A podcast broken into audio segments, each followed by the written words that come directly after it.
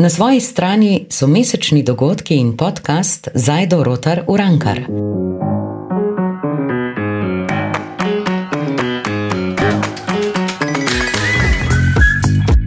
Pozdravljeni v podkastu na svoji strani, kjer z gosti spodbujamo pozitivne debate, ki nas skrbijo.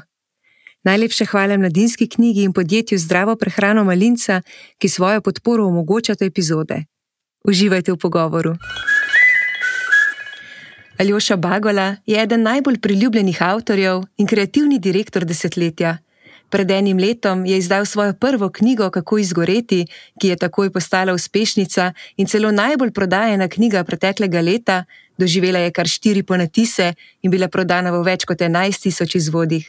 Letos je na svoj kup uspehov dodal še kipec svetalnega moškega. Živijo, Aljoša. Uh, lepo zdrav, živijo, živijo. Hvala, da si se ponovno odzval v Bilu v podcast. Mi dva sva naj prvi pogovor snemala lansko leto.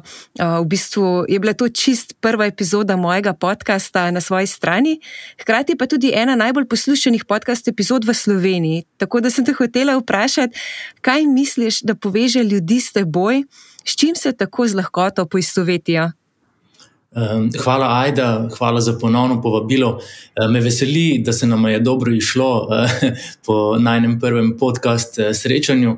Eh, zagotovo ima to zveze, seveda, tudi z, z tabo, z tvojo priljubljenostjo, z tvojimi talenti. Kar se pa mojega dela tiče.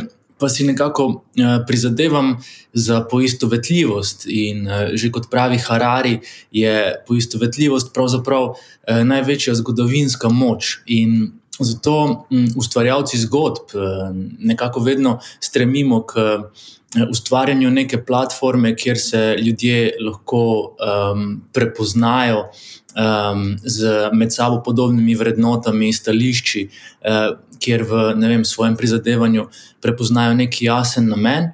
In uh, pač v mojem primeru gre gotovo za tudi poistovetljivost z uh, neko izkušnjo, kjer uh, mi je vem, spodletelo, ker se mi ni išlo po načrtih. Uh, izgorelost je šele potem na drugi pogled, uh, pravzaprav neka priložnost, uh, da se preobraziš, da se spremeniš na bolje.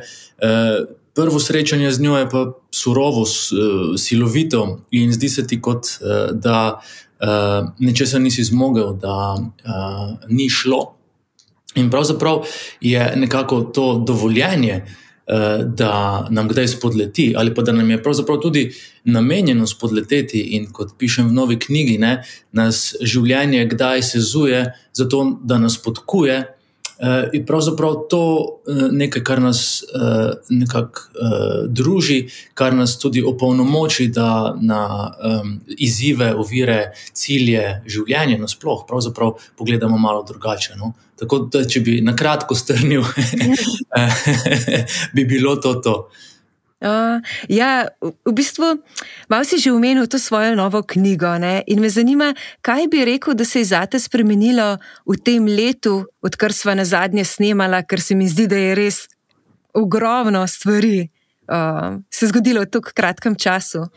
Hm, zagotovo je to leto bilo pestro in to uh, ne v smislu zgolj individualne izkušnje, ampak uh, ne kolektivnega dogajanja Eh, po, po vsem svetu. Koronavirus nam je zagodel in nam svet zabrisal stečaje, seveda svet, kot ga poznamo. In zdi se mi, kot da smo bili tako. Eh, dolgo v tem krču, uh, utirjanja nazaj uh, v normalno življenje, uh, da uh, se je res, res veliko stvari uh, zgodilo, več kot uh, v kakšnem desetletju skupaj. Uh, pri meni je pa bila ta sprememba pravzaprav tudi nekako zaznamovana z spremembo karijere. Ravno pred uh, prvo karanteno uh, sem zapustil svet oglaševanja, agencijo, v kateri sem 20 let uh, ustvarjal in se nekako predal uh, um, novim izzivom, uh, pisateljevanju. In zagotovo je pač ta pot uh, nekako.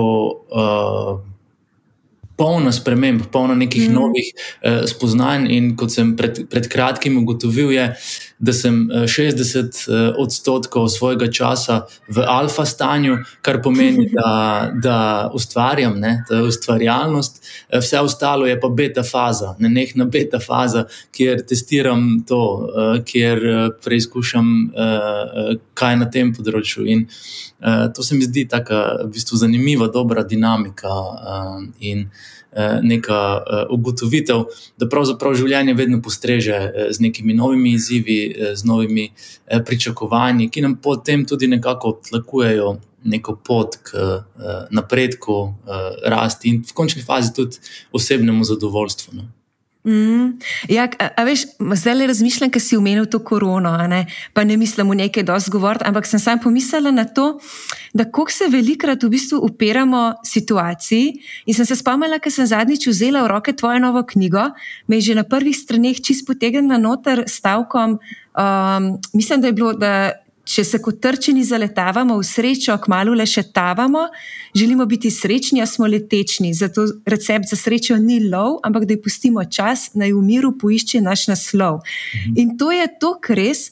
Ker smo kdaj v situaciji, ko rinemo, pa rinemo tako na ja. silo, pa ne vidimo, da pač ne bo šlo, ne? in je učinek njih obraten. Točno to je. Ja. Um, in v bistvu potem razočarani ugotavljamo, da nam življenje ponavadi postreže z diametralno nasprotnim, ne, uh, da, da nas lopne po glavi. Če slišite kakšne krike v ozadju, sta to uh, Dasti, naš kuža in Sofija, ki ima uh, odmor uh, v šoli nadaljavo, da ne te norčije. Eh, ampak, eh, če smo že pri, pri eh, psičkih in otrokih, ne, eh, je v bistvu to stanje igranja, čudenja, radovednosti, nagajanja, pravzaprav um, tisto, ki nam je lahko nekako. Uh, Vzor ali pa pripomoček pri tem, da ugotovimo, da uh, v bistvu to breme sreče, ki si, jo, uh, ki si ga uprtamo, pravzaprav vsak dan, ne, in mm. uh, si srečo zadamo kot uh, neke vrste našo dolžnost, in jo potem pogojujemo z dosežki, ne obrodi pravih uh, rezultatov. Ne. In zdaj, seveda, uh, ne, oba se zelo dobro spoznava na uh, tehnologije uh, in uh, sodobni medijski svet. Je tu pač ta algoritemska funkcija, tista, ki ni ravno zanemarljiva pri doprinosu k naši sreči. Ne. Eh, naši možgani so se naučili, da nas eh, algoritmi družbenih omrežij bolj nagrajujejo z všečki, eh, komentarji in novimi sledilci, če se upodabljamo srečni, veseli, uspešni. Ne? In mm.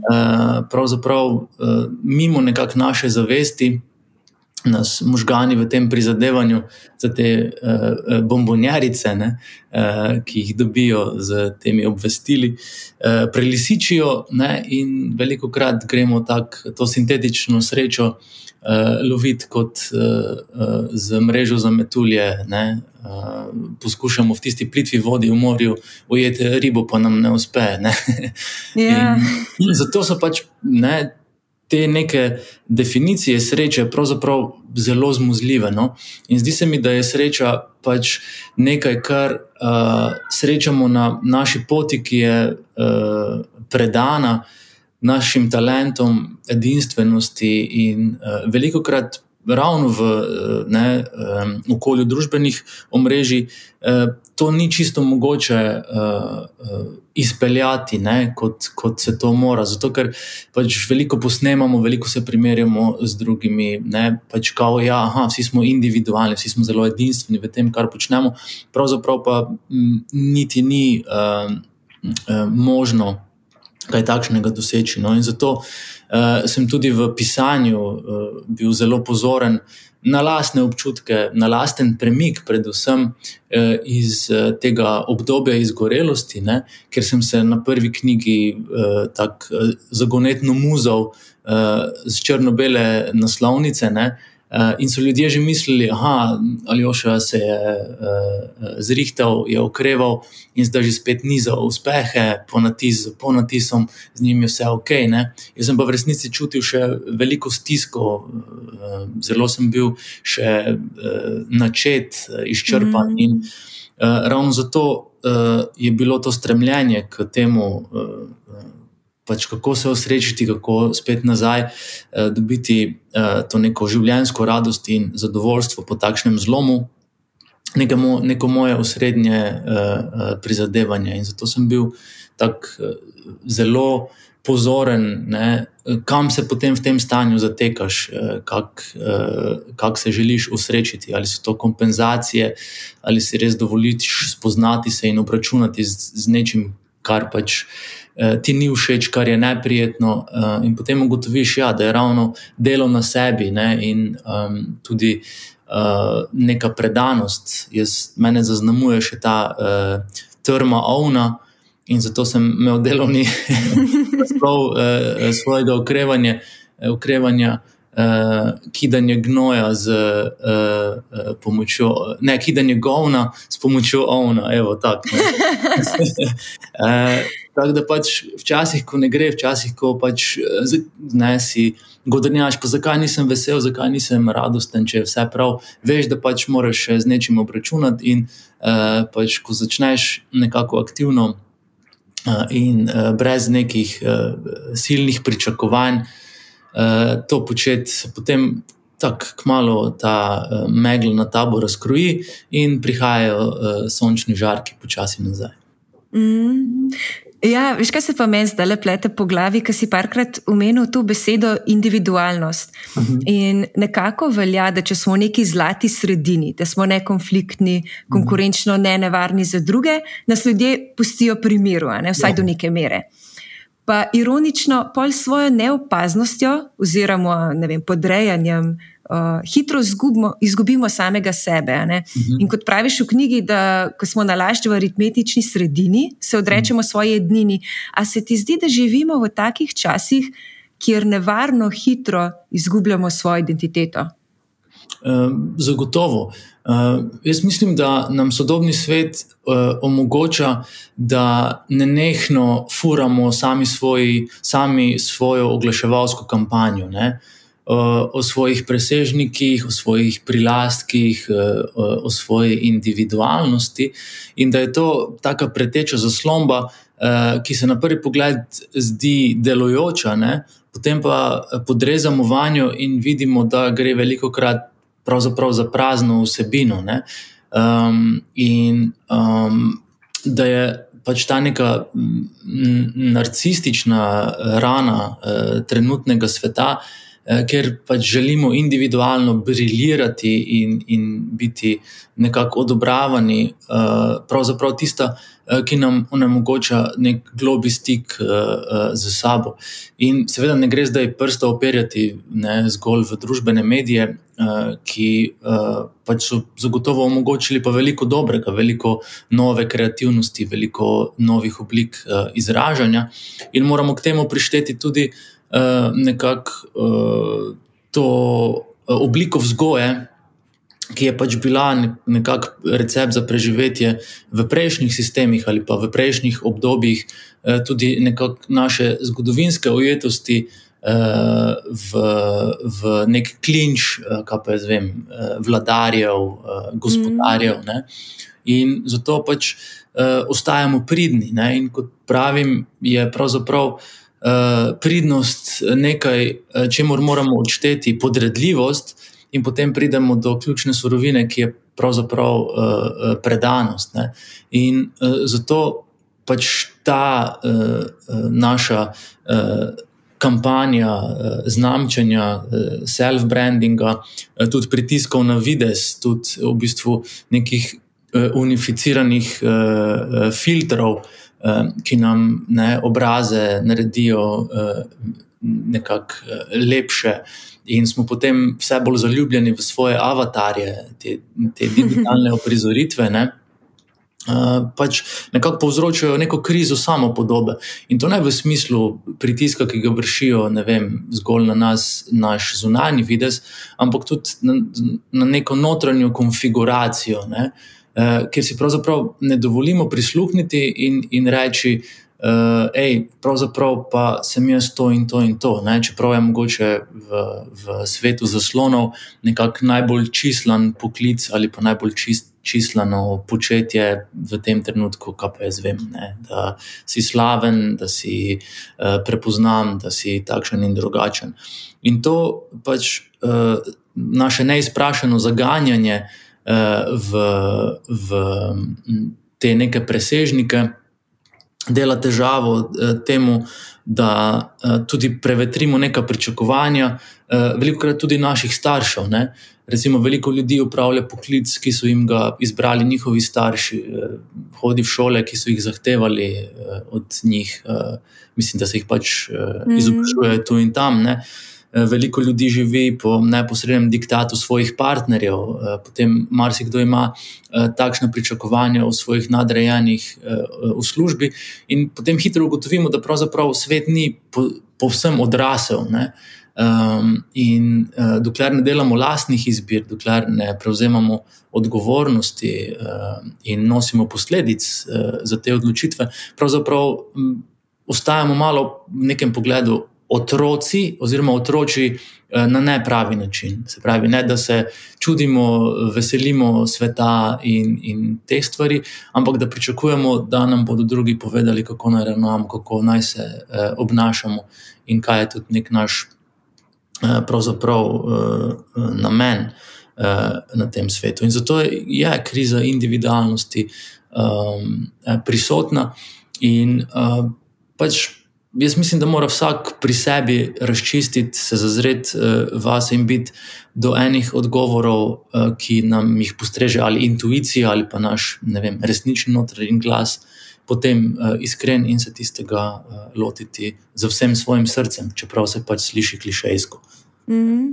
Ja, in velikrat te kriterije, ali kaj ne rečem, ta pritisk, ne, um, se mi zdi, da res izhaja iz nas samih. Tako zdi se nam po eni strani, da nam ga nek zunanji svet. Uh, Nek, kaj ne rečem, pojem, ki mogoče sploh ne obstaja, pa se zanašamo na njega, um, da nam ja, nek, neko to uh, čudežno bitje ustvarja pritisk. Kaj ne rečem, ja. v bistvu smo pa velikrat mi sami, ti, ki se gonemo, uh, ki v bistvu neke, neka nenavadna, nenormalna pričakovanja postavljamo ja. do sebe. In zdaj mi je padel. Um, Na, uh, v misli, recimo, spomnim se ene raziskave, ki so sprašvali ženske, koliko uh, imajo celulita, uh, pa koliko jih to moti, pa koliko moti njihove partnerje. In odgovori so bili, da ja, ful imam celulita, ful me to moti, moje partnerje še več. In pol so njihove partnerje to vprašali, ampak v ločenih sobah.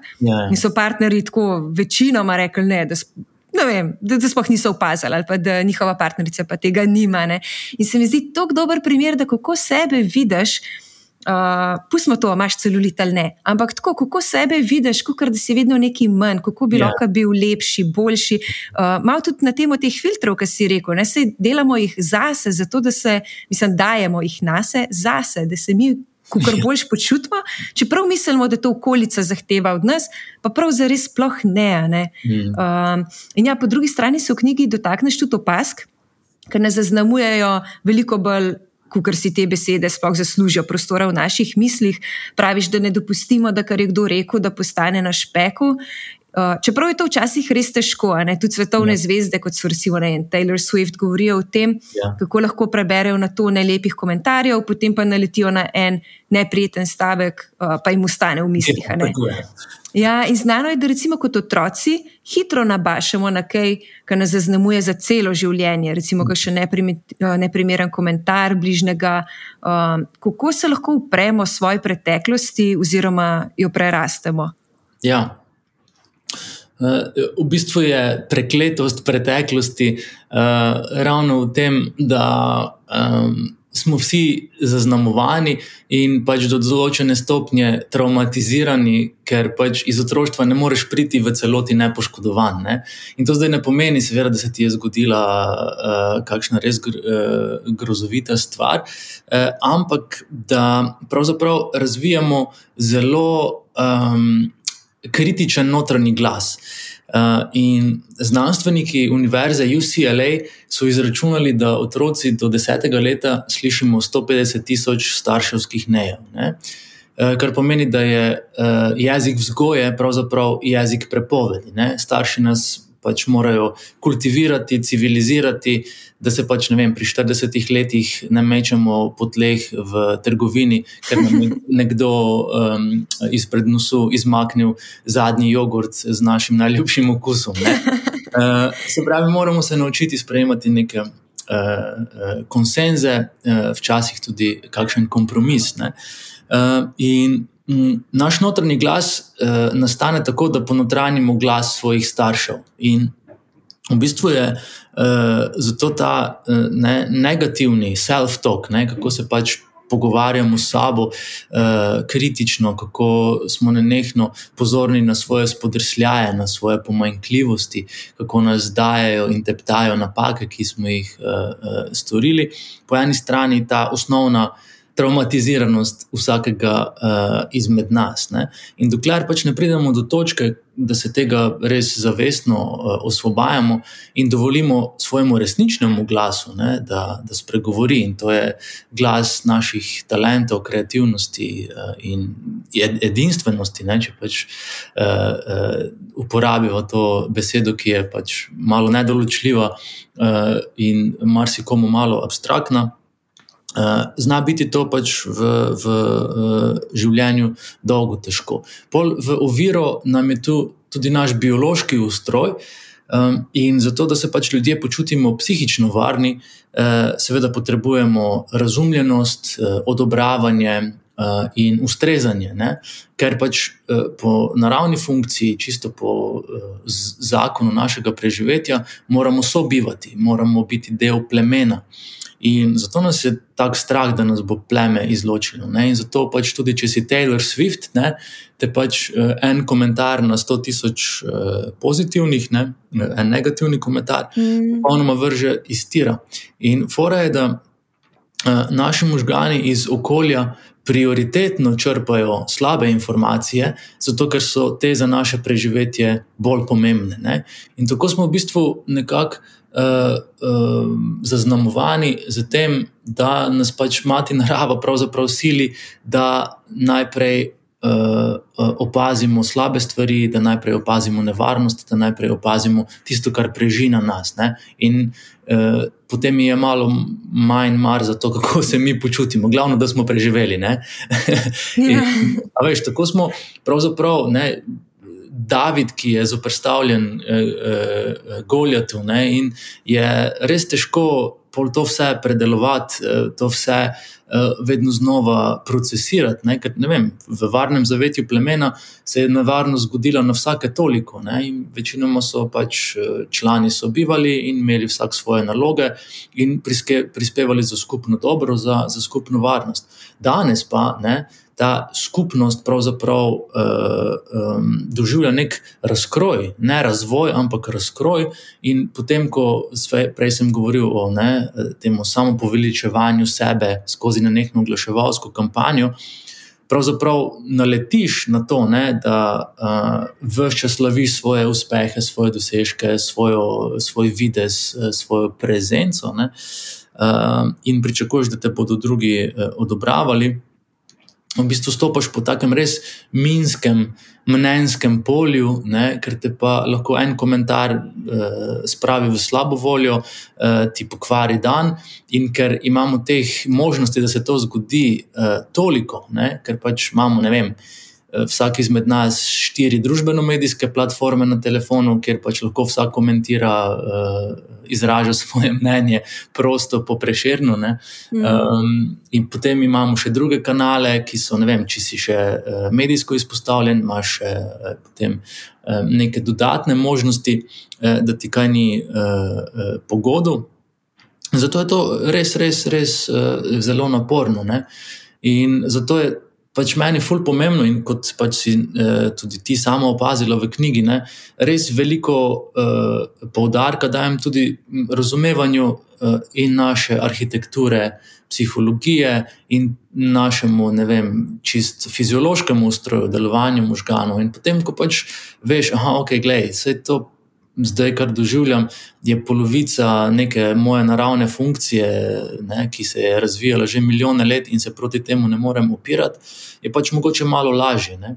In potem, ko tudi razumeš, da so neprijetna čustva lahko koristna, da, da jih moraš tudi znati zdravo izražati, je spet lažje. Ne. In potem, ko se tudi prisiliš v neko zdravo uh, medijsko dieto, ne, kjer znaš vem, do tehnologij izpostaviti zdrav odnos in ne dovoliš, da si ti njihov izdelek, ampak uh, jih ti uporabljaš in imaš ti nadzor nad njimi.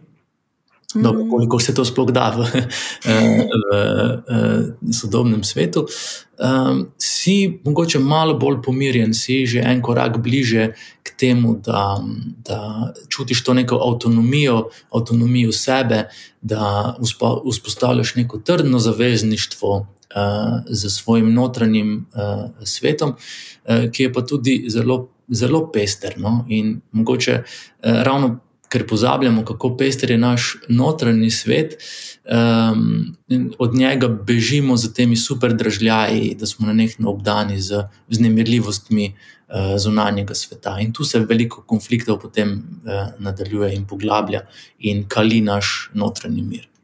Mm, zdaj, ko smo večkrat zašla v te socialne uh, medije, uh, sem se spomnila, da pred vsakim pogovorom z gostom uh, vprašam tudi sledilce, uh, kaj bi si želeli vprašati naslednjega gosta. In vprašanje z Instagrama, ki sem ga zbrala za te, fuj se jih je usul, tako da res vidim, da si zelo priljubljen.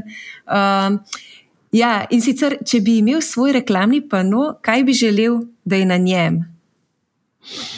Um, pa zagotovo um, bi ga poskušal odstopiti kakšni dobrodelni uh, pobudi, uh, razširjati mogoče neko zavedanje, uh, ne, ker pač tako zelo pritegujejo našo pozornost. Mm. Uh, to je pač osnovna funkcija marketinga, da uh, to, uh, ta proces pospešuje. Saj je pridobivanje pozornosti prvi korak, da lahko vzpostavimo odnos. Eh, ne, ne samo tržni, ampak tudi siceršnji eh, odnos. Eh, bi mogoče rekel, pozornost nameni samemu sebi, mogoče bi celo agitiral, da imamo manj uh, oglaševalskih medijev na splošno ne, v, v okolju, pa to ne kot mm. spokorjeni grešnik no, uh, ali pa nekakšne uh, posebne sorte uh, urbani aktivist, uh, ampak kot pač neko dejstvo, da ta, ne, kar sem nekako prej uh, omenjal, ta vznemirljivost uh, zunanjega sveta in kompenzacije. Um, ki jih tu izvajamo, ne, ki so pač neke vrste pobegi, uh, uh, od tega, um, kar čutimo v sebi, kar nas tako zelo plaši, kar nas tako zelo straši. In pravzaprav vse to biva uh, v naši temni strani, uh, v naši uh, senci, onemogoča, uh, da bi. Gradili uh, pač, ali pa tlakovali, kot sem že na začetku povedal, neko pot do osrečanja ali pa izpolnitve, uh, ki pride z pobotanjem z, z samim sabo. No, in to pobotanje samim sabo je res pomembna stvar. Um, pač ne vem, če to kadarkoli v življenju uh, docela uspemo uh, narediti, um, ampak je bistveno zato, ker uh, pač uh, se ta. So to lotevanje, pospravljanje po sebi, uh, uh, več ne zavlačuje v neka leta, uh, ker pač moraš, ne, in kot veliko vem, psihoanalitikov pravi, eh, po 40 letu nekako eh, moraš eh, pripravljati eh, svojo psiho na to celovitost, na to, da je pač neka zaključena eh, celota, eh, da potem eh, nekako zamudimo ta zadnji vlak. Tega zelo pomembnega pobotanja sabo. Ne? In jaz se pošalim, da si slovenci dajemo uh, uh, toliko opravkov, zato ker nočemo imeti opravka samimi sabo, veliko krat. Ne? Pa to ni zgolj tak nek slovenski uh, unikum, ne? to pač je mm. nekaj, kar velja po vsem svetu in zato ta notranji uh, red in mir prideta z tem, da se enkrat pač vsedemo sami sabo in si rečemo, ok, da se zdaj eh, zmeniti. Ne? In zato v knjigi nizam tudi veliko nekih takih praktičnih eh, eh, možnosti, kot so vem, tudi ta jungovska aktiv, eh, aktivna imaginacija, ker se greš dejansko pogovarjati z svojo senco, z svojo temno stranjo, tudi z namenom, da jo potem eh, prenehaš trositi naokoli, ne? kar se nam mm. vedno dogaja z temi projekcijami, ker slabo vidimo zgolj v drugih, kjer pač zavist, lenobo, uh, uh, ne vem, skoparjenje uh, in takšne stvari. Vedno ozremo v nekom drugem, ne, mi smo pa uh, uh, pravičniški, krasni, krepostni in oh, in sploh uh, zgolj in le fajn. Mm. Uh, veš, kaj me še za konec zanima? V bistvu, kje se vidiš čez eno leto? Mm. Ja, to je zdaj um, neko obdobje, ki uh, je bilo nekako zaznamovano z uh, res neko uh, veliko sprememb v mojem življenju, kar se te, tiče pač mogoče. Eh, te poklicne identitete, ne, ki se je veliko krat uh, dolgo oklepamo, zato ker nam daje občutek ne samo tega, kar smo, ne, se pravi, neke naše uh, osnovne zavesti in, in trdnosti, ampak nam omogoča tudi to trgovanje s tako uh, pomembno, a pravzaprav ne. Um, veliko krat neozaveščeno uh, valuto. In to je, da se, ko vse oddelamo, ko uh, obkljukamo vse naloge na uh, seznamu pričakovanj, ciljev, ki niso nujno naši, ne, da se takrat počutimo komaj dovolj dobri. Ne. In potem ta občutek. Dovolj, da smo dovolj dobri, in to olajšanje ne, za tistih nekaj par minut, preden nam možgani že spet postrežejo za jutrišnjimi skrbmi, zamenjujemo za srečo. Spravi, pravzaprav olajšanje, da nam je ta, del, ta dan uspelo dati vse od sebe in zadovoljiti eh, neka zunanja pričakovanja.